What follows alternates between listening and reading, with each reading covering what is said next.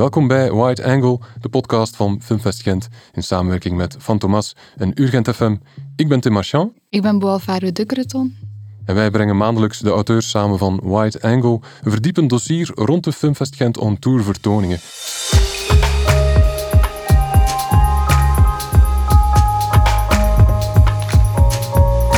Deze maand is dat Drive My Car van Ryusuke Hamaguchi op 15 februari. En bij ons aan tafel hebben we... Michael Vermorteren, schrijver. Ik heb vooral veel in mijn jeugd uh, Murakami gelezen. En ik heb een literair essay geschreven over Drive My Car en het universum van Murakami. Luc van Houten. Ik houd mij voornamelijk bezig met het vertalen van Japanse literatuur, onder andere Murakami, en met schrijven over Japan.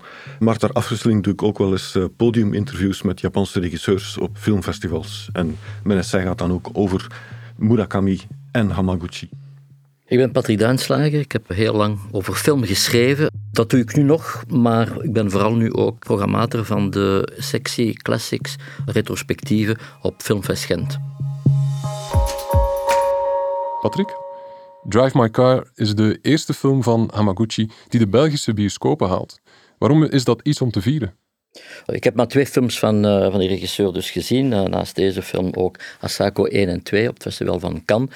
Dat volstaat en ook wat er over hem internationaal gezegd wordt, om hem toch te rekenen tot de meest getalenteerde Japanse regisseur van zijn generatie. Het is helaas jammer dat in de Belgische distributie de Japanse film relatief weinig aan bod komt.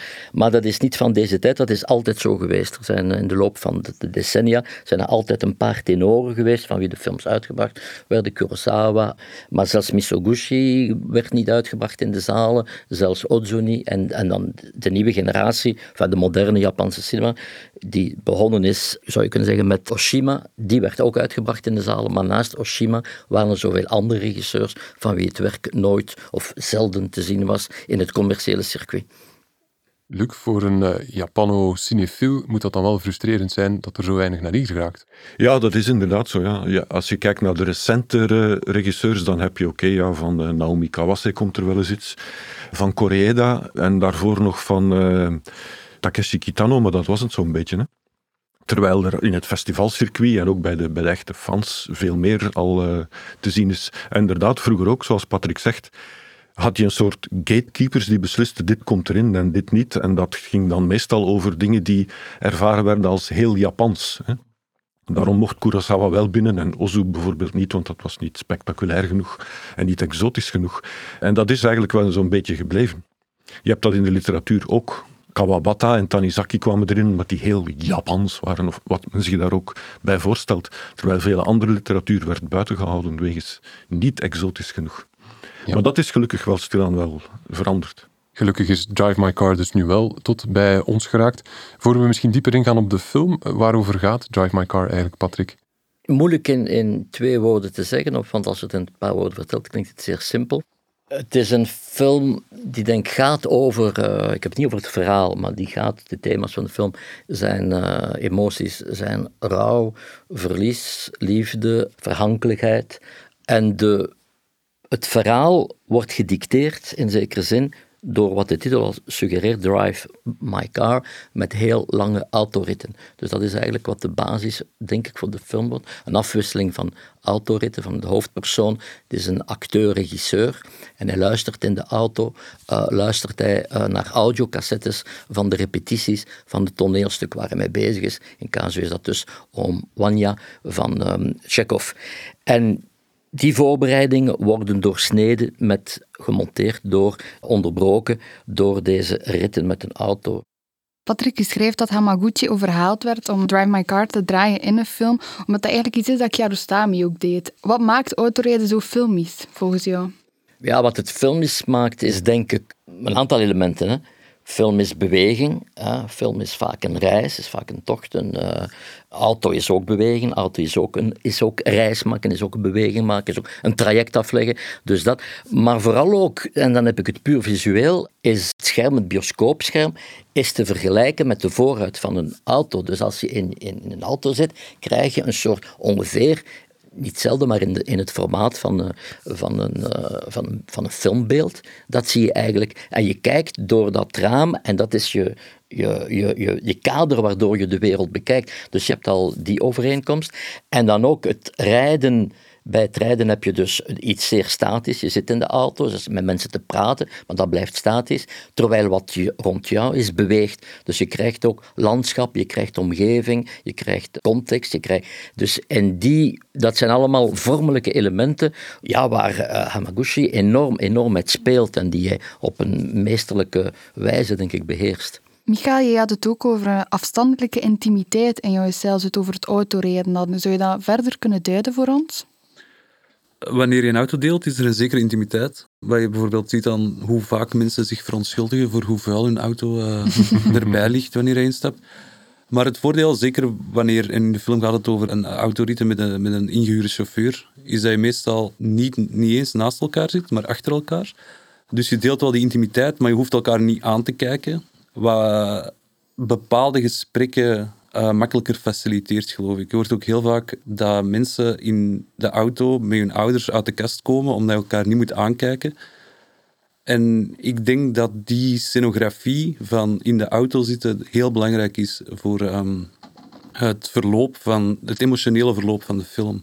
Mag ik er nog iets aan toevoegen? Uh, aansluitend op wat een, wat een auto zo interessant en zo cinematografisch maakt is natuurlijk, ik sprak over die vooruit, maar er is natuurlijk ook de achteruitkijkspiegel. De achteruitkijkspiegel laat de regisseur toe om uh, de klassieke montage van champ, contre-champ, dus beeld tegen beeld, om dat eigenlijk te vermijden, want je, je kan iemand filmen van op de rug die achteraan zit in de auto, en dan kan je ook filmen op de spiegel, en dan is er toch een visueel contact die er is met de persoon die voor je zit. Dus, mm -hmm. Dus dat is ook, qua mise en scène is dat wel ook iets, een extra element dat, dat gebruikt wordt in films die zich in auto's afspelen. Ja. Ja, bij Taxi Driver bijvoorbeeld ook, als ik het goed heb, waar ja, ja, je ook kan zeggen, eh, eh, dit is hoe hij de wereld ziet. als een soort van scherm, waar op een bepaald moment Scorsese ook een cameo heeft, als een deel van een toeschouwer, al dan niet... Uh, en hij communiceert ook, in Taxi Driver, hij communiceert ook via de achteruitkijkspiegel met wie achteraan in de auto zit. En spiegels zijn ook, uh, denk ik, een vrij belangrijke metafoor in Drive My Car voor het niet rechtstreeks dingen kunnen aanvatten. En als ik het goed heb, heeft Murakami ook een verhaal, De Spiegel, dat niet geheel geslaagd is, maar dat ook enigszins verwerkt zit in um, een van de cruciale scènes uit de proloog van de film. Ja, het klopt, de spiegel bij het betrappen op uh, helemaal in het begin van de film en dat gebruikt wordt.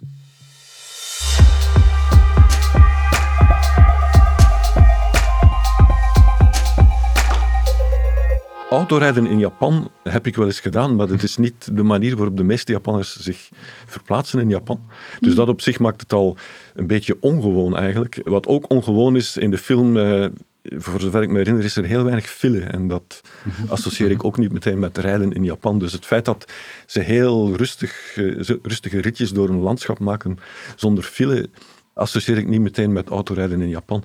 Maar ik neem aan dat dat precies ook wel de reden is waarom uh, Murakami daarvoor gekozen heeft. Omdat hij op die manier echt wel zo'n apart universum kan creëren. Iets wat je niet in een uh, overvolle metro hebt natuurlijk. Bo en ik vroegen ons ook nog af, we zagen het niet terugkomen in niemand zijn tekst. Misschien omdat het zo voor de hand liggend is. Maar het kan toch geen toeval zijn dat de vrouw van Yusuke Otto heet? Of wel? Naar auto. Ah. Misschien zien wij dat gewoon te gemakkelijk. Daar had ik zelf nog niet aan gedacht, moet ik zeggen. Ik denk dat dat toeval is. Ja. ja wat Otto betekent natuurlijk betekent geluid in het mm -hmm. Japans. Mm -hmm. ja. Nee, maar dus het ligt aan ons. We ja, zien nu gewoon te veel. We hopen dat maar dat is toch belangrijk, hè? als het geluid betekent, mm -hmm. dan is toch de naam ook die voor een stuk al symboliseert, of metaforisch, voor haar positie in de film. Enfin, het luisteren is zeer belangrijk in die film. Hè. het, is een, het is een film waarin uh, gepraat wordt, maar waarin vooral ook geluisterd wordt. Dus en luisteren is, film is kijken, maar luisteren is ook film. Hmm. Zoals ook stilte en afwezigheid van beweging ook cinema is. Micha, je schreef denk ik letterlijk dat de, het oeuvre van Murakami een oeuvre van stilte is. Voor zover ik het begrepen heb, is het een oeuvre van stilte, omdat de protagonisten zijn meestal eenzaten. Mensen die niet heel veel mensen hebben om mee te praten. En vooral de, de meisjes, want ik denk dat dat toch de crux van het oeuvre is, de meisjes die ooit ontmoet geweest zijn en verloren, maar nooit vergeten. Voor zover er al iemand is om mee te praten, kan je het niet over de meisjes hebben die dat die persoon dan niet gekend heeft. Dus er, er borrelt altijd heel veel, vooral gemiste kansen heb ik het idee, waarover niet gesproken kan worden, maar wel heel veel getopt, denk ik. Er zijn in het Japans bijvoorbeeld heel veel woorden om stilte of zwijgen uit te drukken. Dus daar is een heel palet aan mogelijkheden alleen al daarin. En soms heb ik moeite om eh, in het Nederlands diezelfde variatie te vinden. Dat je niet de hele tijd in stilte of zwijgend schrijft in het Nederlands. In het Japans heb je daar toch een, eh, veel meer mogelijkheden voor. En is het zo dat er in het Japans dan veel gedifferentieerdere stiltes bestaan dan bijvoorbeeld in het Nederlands? ja, het, het Japans heeft zo'n soort woordjes. Wij weten ook wel wat onomatopeeën zijn. Dus woorden die een bepaalde klank nabootsen. Maar je hebt in het Japans ook andere woorden die een, bepaald, een bepaalde sfeer, een bepaald gevoel uitdrukken. En dat is heel moeilijk om dat precies te vertalen altijd, omdat wij daar geen directe equivalent voor hebben in het Nederlands. Nu dat we bij jou terechtgekomen zijn en dat we hier een kenner aan tafel hebben, zou je ons een beetje de essentie van Murakami kunnen, ja, kunnen beschrijven voor mensen die Murakami misschien niet goed kennen? Wel, ik denk, dit verhaal komt uit de bundel Mannen zonder vrouw. En ik denk dat die titel op zich al een beetje samenvat waar het bij Murakami over gaat. Ik denk, Michael heeft het daarnet ook al gezegd. Vrouwen die verdwenen zijn op de een of andere manier uit het leven van een man en waar ze nog met een zeker vaag verlangen aan terugdenken. Dat loopt als een rode draad doorheen zijn hele uiveren. Wat eigenlijk merkwaardig is, veel van Murakami's mannelijke hoofdpersonages lijken heel erg goed op hemzelf. Als je Murakami persoonlijk ontmoet, dan meen je al, ik ken hem, want als je zijn verhaal hebt gelezen. Maar één groot verschil is dat Murakami is getrouwd met zijn liefje van op de universiteit en daar altijd is bijgebleven. Die vrouw is hmm. nooit uit zijn leven verdwenen, die is er al meer dan een halve eeuw eh, nadrukkelijk in aanwezig. Maar goed, dat uh, geheel terzijde. Maar wat mij dus opvalt bij bijna alle verfilmingen van uh, Murakami, en ook bij deze, is dat de typische Murakami-humor, en dat is dan heel droog, onderkoeld, tikje ironisch, dat je dat niet terugvindt in de verfilmingen meestal. En kan, je, ook in deze kan je een voorbeeldje geven van zo'n typische Murakami-humor? Meestal, die personages, het heeft met tragicomiek ook te maken. De, de personages belanden vaak in heel dramatische omstandigheden, ook in deze film. Hè. Dus een vrouw overlijdt en, en, eh, en, daarna gebeurt er nog allerlei dingen. Maar bij Murakami weten ze dat toch altijd te relativeren en ook zichzelf te relativeren met zo'n beetje ja, een, een, ironische toets of een, een opmerking die het een beetje grappig maakt. De film begint ook, het verhaal liever begint ook met opmerkingen over de rijkunsten en de stuurvaardigheid in het algemeen van vrouwen. Wat eigenlijk ja, op het randje, misschien zelfs over het randje van het seksistische kan genoemd worden, zeker in deze tijden. En dat komt natuurlijk helemaal niet terug eh, in de film. Dat, dat grappige zo. En denk je dat dat de sterkte is van eh, de adaptatie, dat er net niet in terugkomt? Wel, ik, bekijk, ik heb natuurlijk, en dat geldt voor alle Murakami-verfilmingen, heb ik altijd eerst al het verhaal gelezen. Dus ik zit dat daar onvermijdelijk een beetje mee te vergelijken. Wat is er veranderd? Wat, hoe anders is het aangepakt? En vaak mis ik toch een beetje... Allee, de, de, films komen bij mij in vergelijking altijd heel loodzwaar over. Niet alleen Drive My Car, maar ook Burning vond ik in vergelijking met het verhaal van Murakami heel zwaar. Precies omdat die, die komische toets eruit is gehaald. Maar ik denk als je het verhaal niet hebt gelezen, dat je daar helemaal geen last van hebt. Ja, want Burning is ontzettend goed ontvangen in dat jaar, die film. Dus dan kan ik me inbeelden dat misschien onze andere gesprekspartners zeggen, nee, ik vond dat ook wel een heel goed film. Maar ik inderdaad wel opmerkelijk vond dat jij zei, ik, ik had het er niet zo voor. Oh ja, dus ik, ik, ik, las ook heel laaiend enthousiaste kritieken over Burning, bijna unaniem. Maar ik zat altijd te wachten. Zo, allee, ik, ik zit er met andere verwachtingen te kijken. En dat is natuurlijk onvermijdelijk. Hè? Je kunt natuurlijk een film... Je moet een film eigenlijk loszien van waarop hij is gebaseerd. De roman of het verhaal of wat dan ook. Maar ja, het is moeilijk om dat te doen. Als je er echt zit en denkt van... Ah, maar in het verhaal gebeurt er nu dit. En dat vond ik eigenlijk toch wel beter zo. Ja, want de titel van jouw tekst, eh, Murakami en het Witte Doek, is niet een geslaagd huwelijk, maar is op zoek naar een geslaagd huwelijk. Ja, en ik denk, er zijn, als je het hele uiveren van Murakami bekijkt, zijn er relatief heel weinig verfilmingen. Voornamelijk omdat hij zelf heel lang de boot heeft afgehouden. Zijn debuut, Luister naar de wind, is ooit vrij snel verfilmd. Een paar jaar nadat het is verschenen. En Murakami was daar zo teleurgesteld over, omdat dat voor hem een heel andere wereld opriep dan wat hij zelf in zijn hoofd had dat hij meer dan twintig jaar geen toestemming meer heeft gegeven om nog eens iets van zijn werk te laten verfilmen. En hij is ook nog altijd vrij selectief. Ik heb de indruk de laatste jaren minder. Maar nog altijd geeft hij eerder dan, of geeft hij makkelijker toestemming aan een niet-Japans regisseur. En voor korte verhalen, niet voor de volledige romans. Dat valt nog altijd op. Ja. Uh, Michael, heb jij hetzelfde een beetje van... Ik heb ze vroeger gelezen, dus als ik nu naar die films kijk, zit ik toch nog met die verhalen van die boeken in mijn hoofd? Of kan je dat eerder ook loslaten? Ik laat dat los. Dat zijn twee verschillende werken. En wat in een verhaal werkt, werkt niet in een film en vice versa. Wat dat niet betekent dat het ene niet meer geslaagd kan zijn dan het andere. Ik las, denk ik, Murakami niet voor zijn humor. Mhm. Dus ik kan niet per se beweren dat ik zowel in Burning als Drive My Car eh, de humor gemist zou hebben. Maar dat is een kwestie van karakter, denk ik. Ik heb de humor niet gemist. Ik vond Burning destijds een beetje een pretentieuze film. Misschien had dat dan te maken met de humorloosheid, hoewel het wel heel goed inspeelde op mijn angst om een leven te leiden dat volledig onopgemerkt voorbij gaat. Wat die film dan wel weer enigszins goed wist te vatten. Maar ja, het zijn verschillende kunstvormen en ik verwacht van een film dat het een film is en van een kort verhaal dat het een kort verhaal is. En zeker niet omgekeerd. Hoe komt het dan dat buitenlandse regisseurs meer kans lijken te maken om iets te doen met uh, Murakami? En anderzijds, of het heeft ermee te maken, dat zijn verhalen ook universeel genoeg zijn om te verplanten naar andere landen? Wel, ik denk, er, er is een pragmatische reden, uh, neem ik aan. Dat is dat Murakami een hekel heeft aan uh, mediacircussen. En als er natuurlijk een verhaal van hem wordt verfilmd, dan brengt dat onvermijdelijk heel wat media-aandacht in Japan met zich mee. Dus hij denkt van oké, als uh, een Koreaanse regisseur het verfilmt of een Vietnamese regisseur, heb ik daar toch al iets minder last van. Enfin, een ijdele hoop meestal. Maar, maar dat zal één reden zijn. En een andere reden is dat hij toch meer en meer is gaan denken van oké, film is inderdaad een heel ander medium. Dus regisseurs mogen echt wel hun eigen ding gaan doen met mijn verhaal, in, als ik eenmaal de toestemming heb gegeven.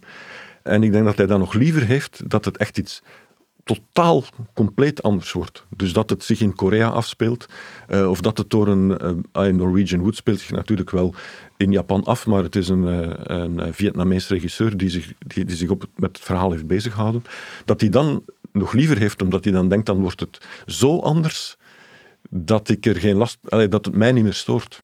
Ja, zie je dat ook, Patrick? Als, want jij hebt het over een aantal, we hadden het al over verschillen, zoals de kleur van de auto.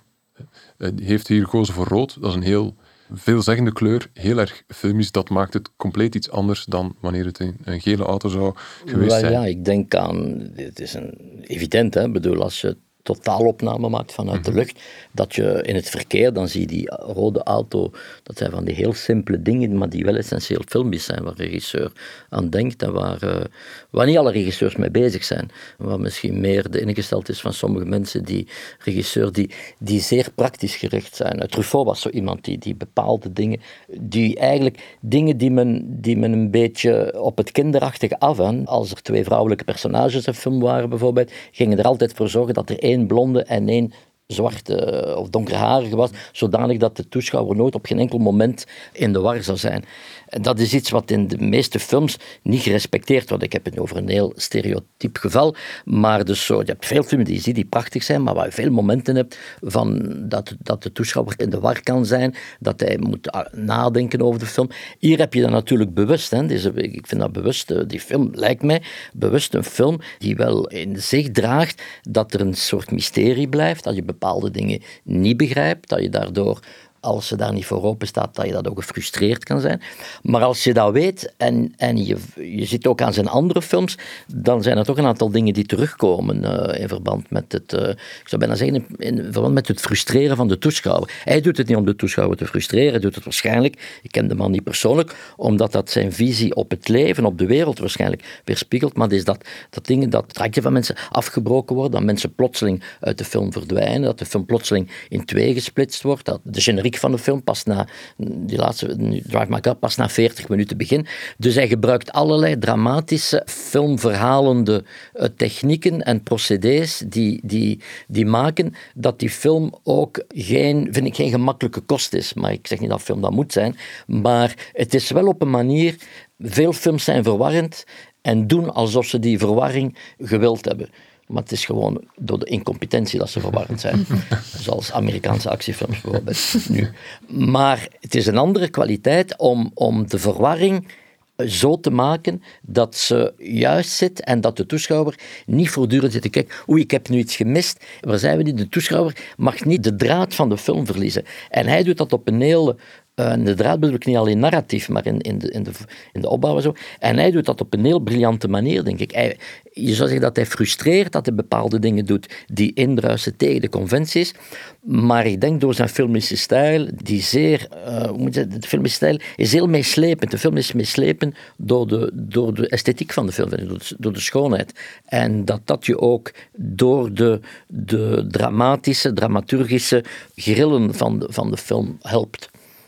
Patrick, eigenlijk heb je nu al een beetje gezegd wat dat de Hamaguchi-film Hamaguchi maakt. Toen ik zelf het kort verhaal gelezen heb van Murakami, vond ik het wel opvallend dat hij eigenlijk de personages uit Drive My Car genomen heeft, maar eigenlijk dan veel verrijkt heeft met andere kort uh, verhalen van Murakami. Kan je dat nog wat duiden misschien, Luc? Ja, hij heeft met name de, de vrouwelijke personages uit het verhaal heeft hij heel uh, erg uitgewerkt en verdiept. En dat is precies ook een kritiek die Murakami wel eens krijgt, uh, onder andere van uh, vrouwelijke collega-schrijvers van hem in Japan, dat zijn vrouwelijke personages eigenlijk alleen maar bestaan in functie van het mannelijke hoofdpersonage. En in Drive My Car is dat eigenlijk ook wel zo in het verhaal. En als je dan kijkt naar de film van Hamaguchi, dan zie je inderdaad wel dat Misaki, de chauffeur, haar eigen verhaal heeft. Dat ook het verhaal van de echtgenote, die eigenlijk in, in Murakami's verhaal uh, niet voorkomt, tenzij in de gesprekken, maar niet als personage zelf. Ook in de film krijgt die veel meer vlees.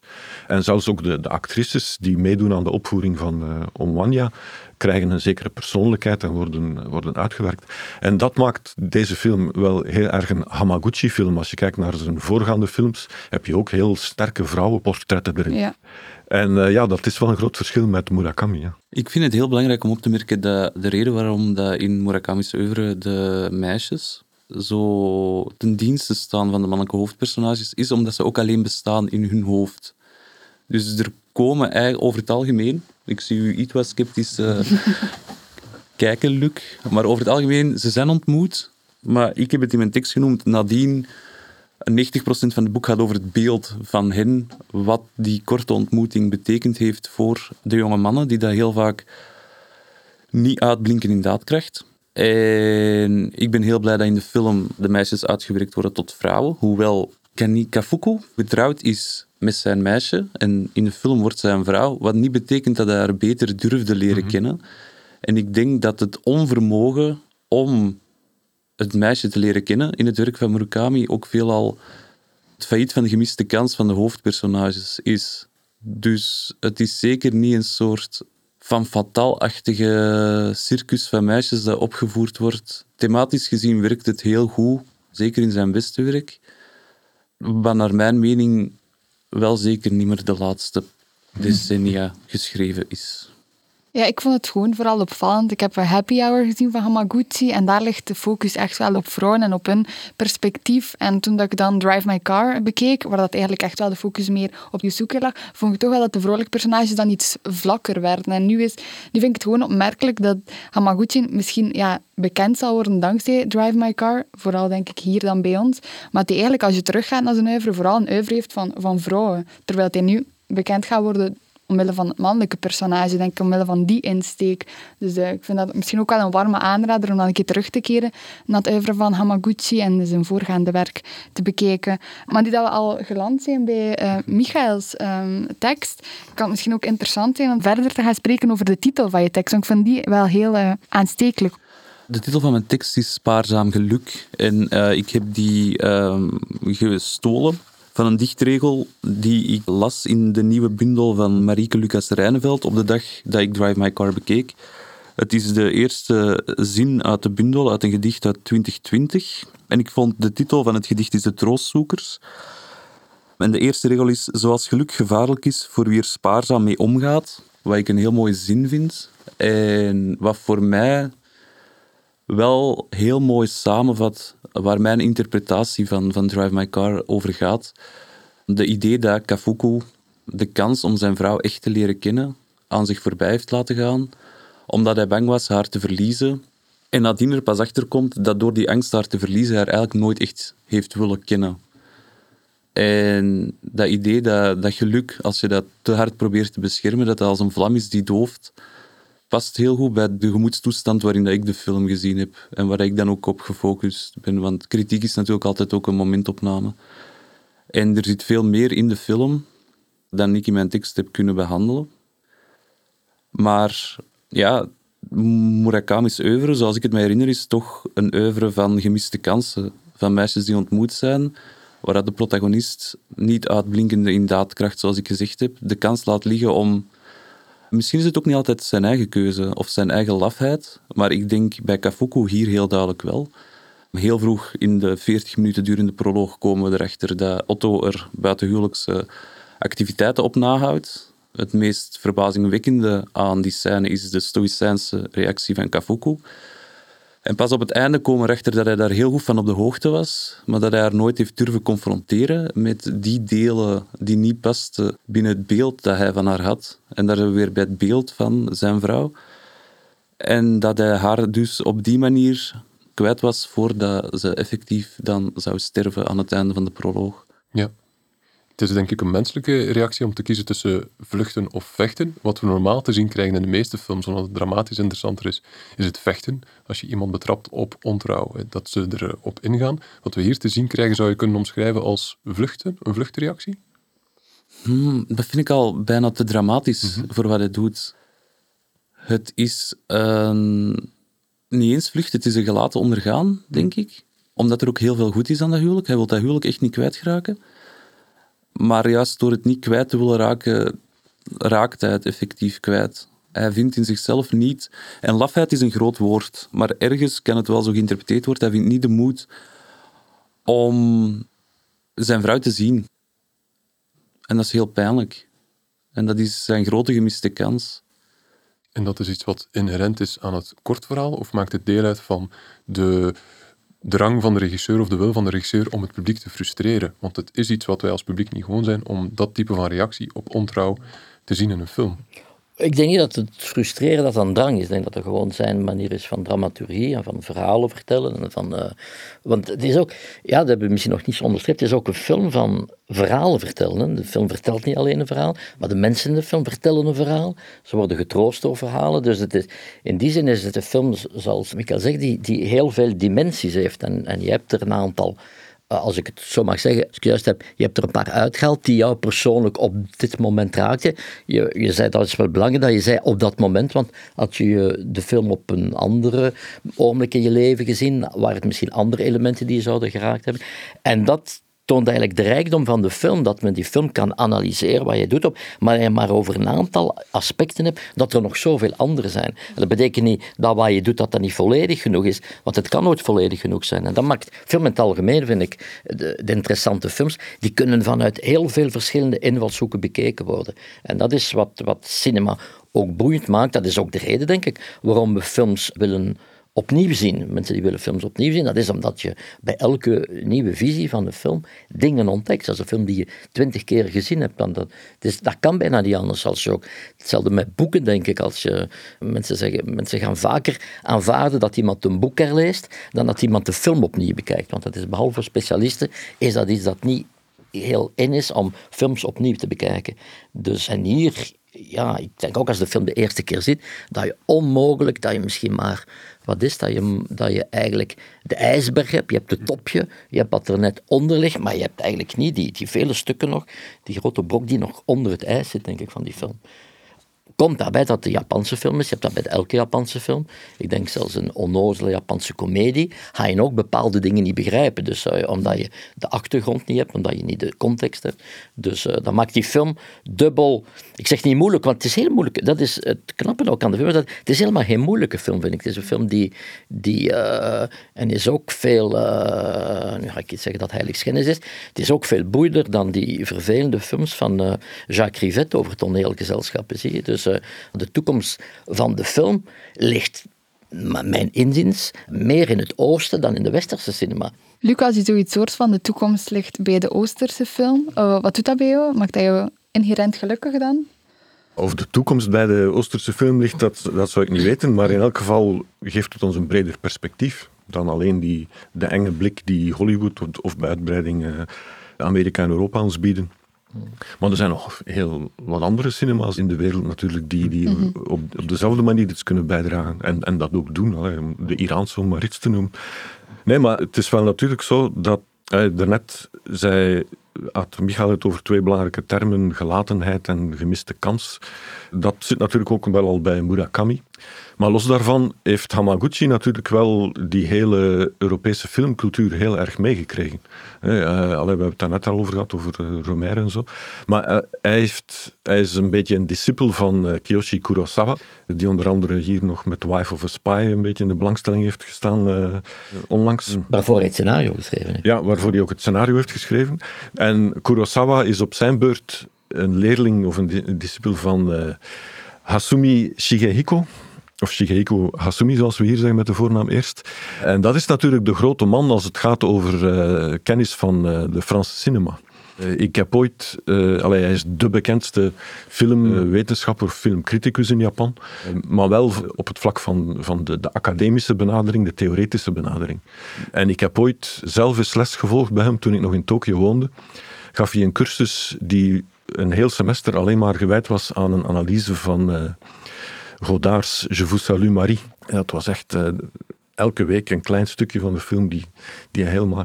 En uh, ja, ik was helemaal geen specialist van uh, Godard en mijn Japans was toen ook nog niet zo heel erg goed, dus ik, ik snapte daar eigenlijk bijna niks van wat hij allemaal vertelde. Heel theoretisch. En daar komt Kurosawa van en daar komt Hamaguchi ook wel een beetje van. Dus die zitten doordrongen van die Europese en met name Franse cinema. Wat ik ook interessant vond, is dat je het hebt over een driehoeksverhouding. En dat is dan enerzijds tussen Yusuke, Misaki en de tapes. Nu was mijn vraag, als, je, als, je, als ik het woord driehoeksverhouding lees, kreeg dat onvermijdelijk iets ja, te maken met liefde of met romantiek op de een of andere manier. Hoe had jij dat bedoeld? Heb ik dat voortgelezen? Moet ik het eigenlijk? Nee, nee, ik denk dat er eh, een soort uh, platonische romantiek effectief is.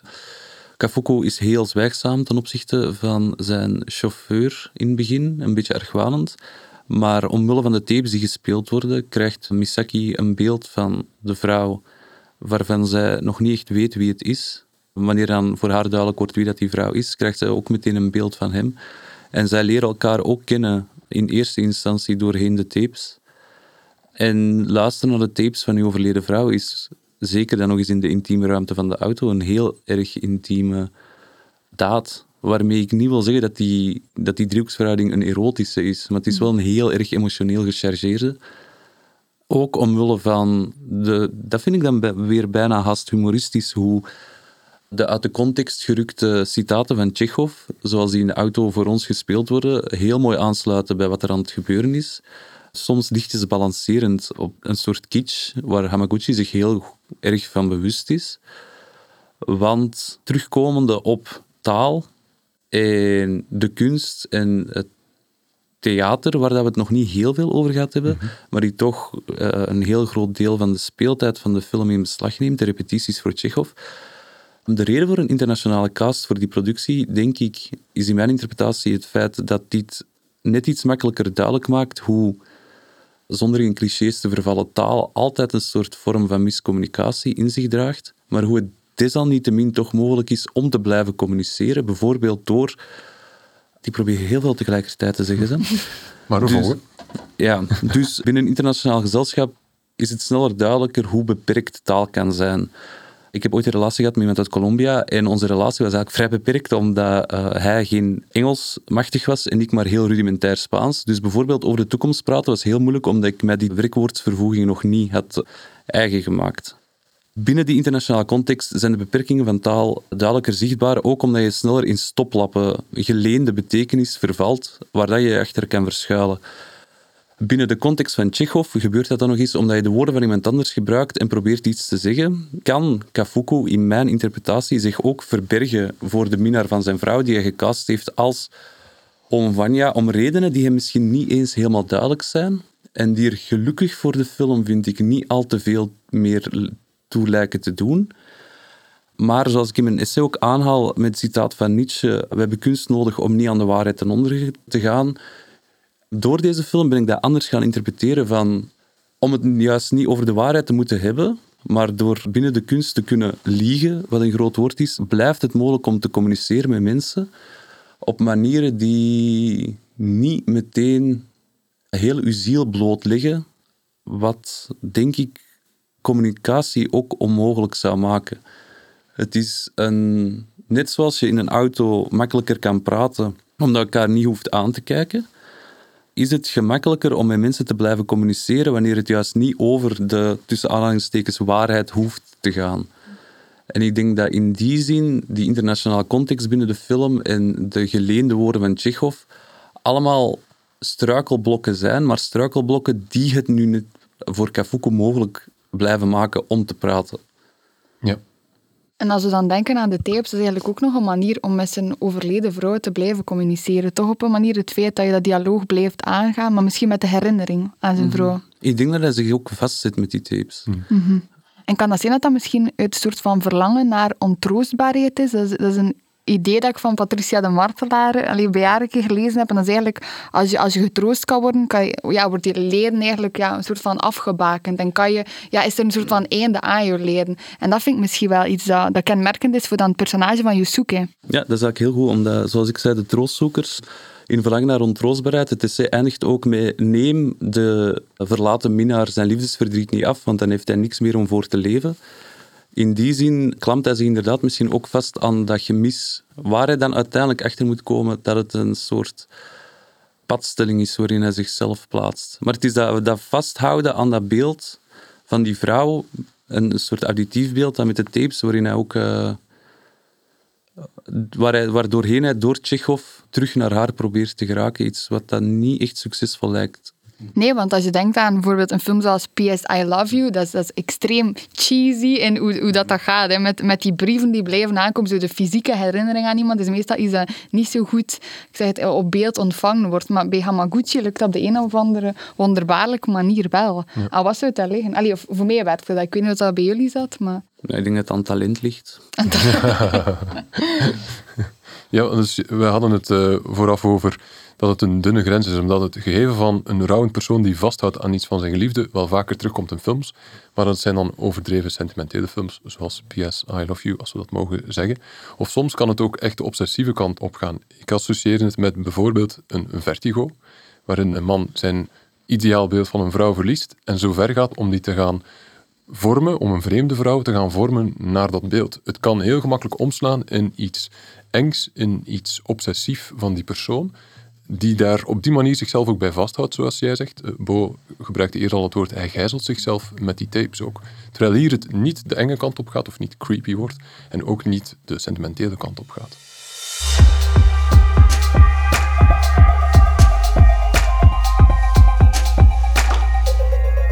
Ik wil iets vragen aan Luc. De film speelt in onze tijd af. Ja, maar... Ik heb het over dat archaïsche. Van, Hij heeft natuurlijk die oude saap, zo kun je veel verklaren. Maar het is ook een soort ironie om in het Japan van de spitstechnologie nu een film te zien, een hedendaagse film, waar iemand naar audiocassettes lijkt. Nu, nu kun je zelfs geen cd-speler meer in je auto krijgen. Dus de personage is dat iemand die nostalgisch is, die... Uh, geobsedeerd is door... Ik, ik denk dat we hier toch naar Murakami moeten kijken. Ah, Want ik maakte me die bedenking ook, allee, ik, toen ik het verhaal las, was voor mij niet zo verwonderlijk dat iemand in een oude saap rijdt en naar cassettetapes luistert. Want ik dacht, ja, dat is Murakami gewoon. Mhm. Ja. Ik vond het wel verwonderlijk dat Hamaguchi dat ook had overgenomen. Mhm. Ik dacht ook inderdaad, hij gaat daar een modern medium van maken. Hè, zo'n, dat dateert zijn film zo op een rare manier. Een audiobericht of zo? Ja, dat hij daar op zijn uh, telefoon naar luistert mhm. of zo. Dus dat, ik, ik vond het uh, wel merkwaardig dat hij dat element heeft behouden. Maar dat is echt de vintage uh, Murakami. Murakami met zijn platencollectie die leeft nog in de 70s. Hè. Dus, ja.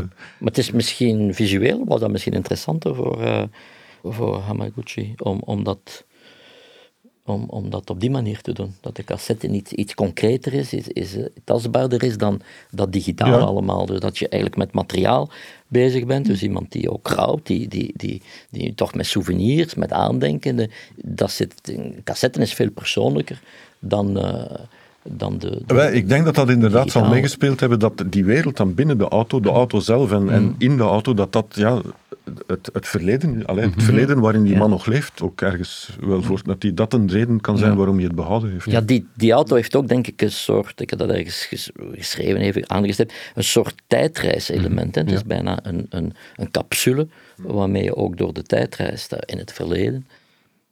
Want de rest van de film is, de rest van het decor of de, is, is natuurlijk wel mm hedendaagse. Mag ik nog iets uh, toevoegen? Of wat ik vind dat we niet echt besproken hebben, is eigenlijk het erotische en het seksuele van, van het maken, het construeren van verhalen. Want Patrick had het daarnet over het vertellen van verhalen, maar natuurlijk als we nadenken over de manier waarop dat Otto haar verhalen eigenlijk schrijft, dan is dat eigenlijk altijd dit tijdens de seks. En moet de echtgenoot, moet je zoeken eigenlijk de dag daarna in de auto het verhaal gaan reconstrueren. Dat vond ik eigenlijk wel echt een heel interessante ingreep van Hamaguchi, want het zit ook niet echt in het kort verhaal, hè, Luc? En om de film mee te openen ook. Ja, absoluut. Ja, maar dat zit in een van de andere verhalen uit dezelfde bundel. En dat verhaal heet Scheherazade, als ik het goed uitspreek. Dus naar een personage uit de Duizend en één nacht. En één nacht. Dus uh, het verhalen vertellen heeft hij uit een ander verhaal gehaald. Dus dat gaat inderdaad ook over een vrouw die, uh, die na de seks uh, haar partner verhalen vertelt. En dat verhaal dat ze vertelt bij Murakami is trouwens ook het verhaal in de film over de lampreien, die, mhm. die rare vissen.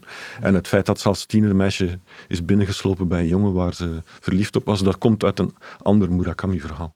Ik heb ook het gevoel, of ik heb erover nagedacht over die scène. Het is wel een scène die, die in zekere zin cru is, hè, die uh, zeker dat masturberen en zo, is het misschien ook dat de regisseur zich bewust dat er toch een hele erotische geladenheid in het verhaal zit.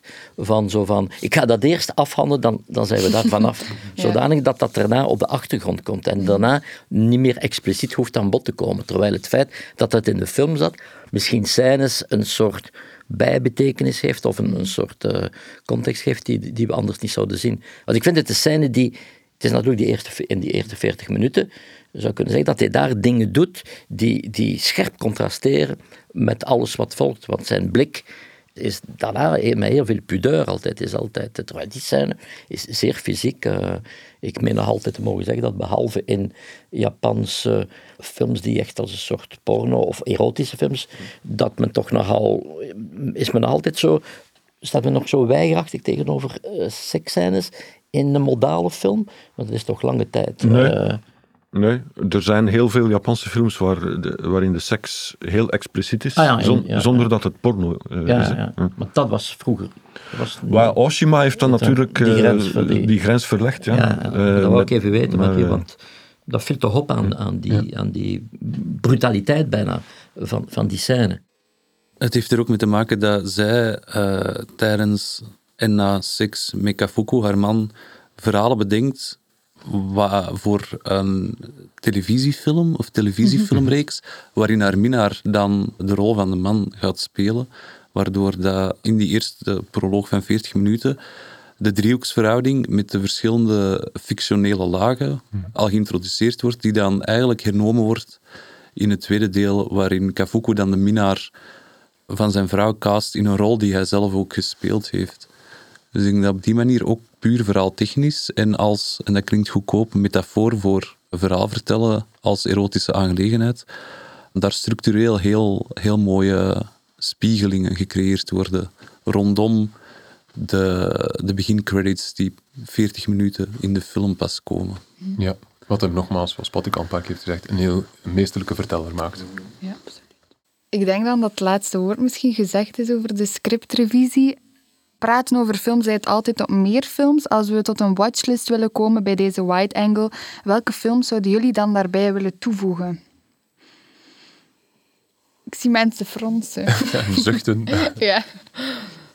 Wat logisch zou zijn, maar voor de hand liggen dingen mogen ook. Hè? Mm Tuurlijk. Die, die andere films van uh, Hamaguchi natuurlijk. Ja, ik ben absoluut pro happy hour. Dus als mensen zich zes uur dan... Ja, ja maar ook de andere, want er zijn, er zijn de documentaires. Ik ben zeer geïntrigeerd ja. tot het feit dat hij drie documentaires gemaakt heeft over het ongeval met de kerncentrale. Dat maakt me toch nieuwsgierig, omdat mensen die die documentaires gezien hebben, die zien ook een zekere verband met zijn fictiefilms. En ik zou ook wel het nieuwsgierigheid die andere verfilmingen willen zien.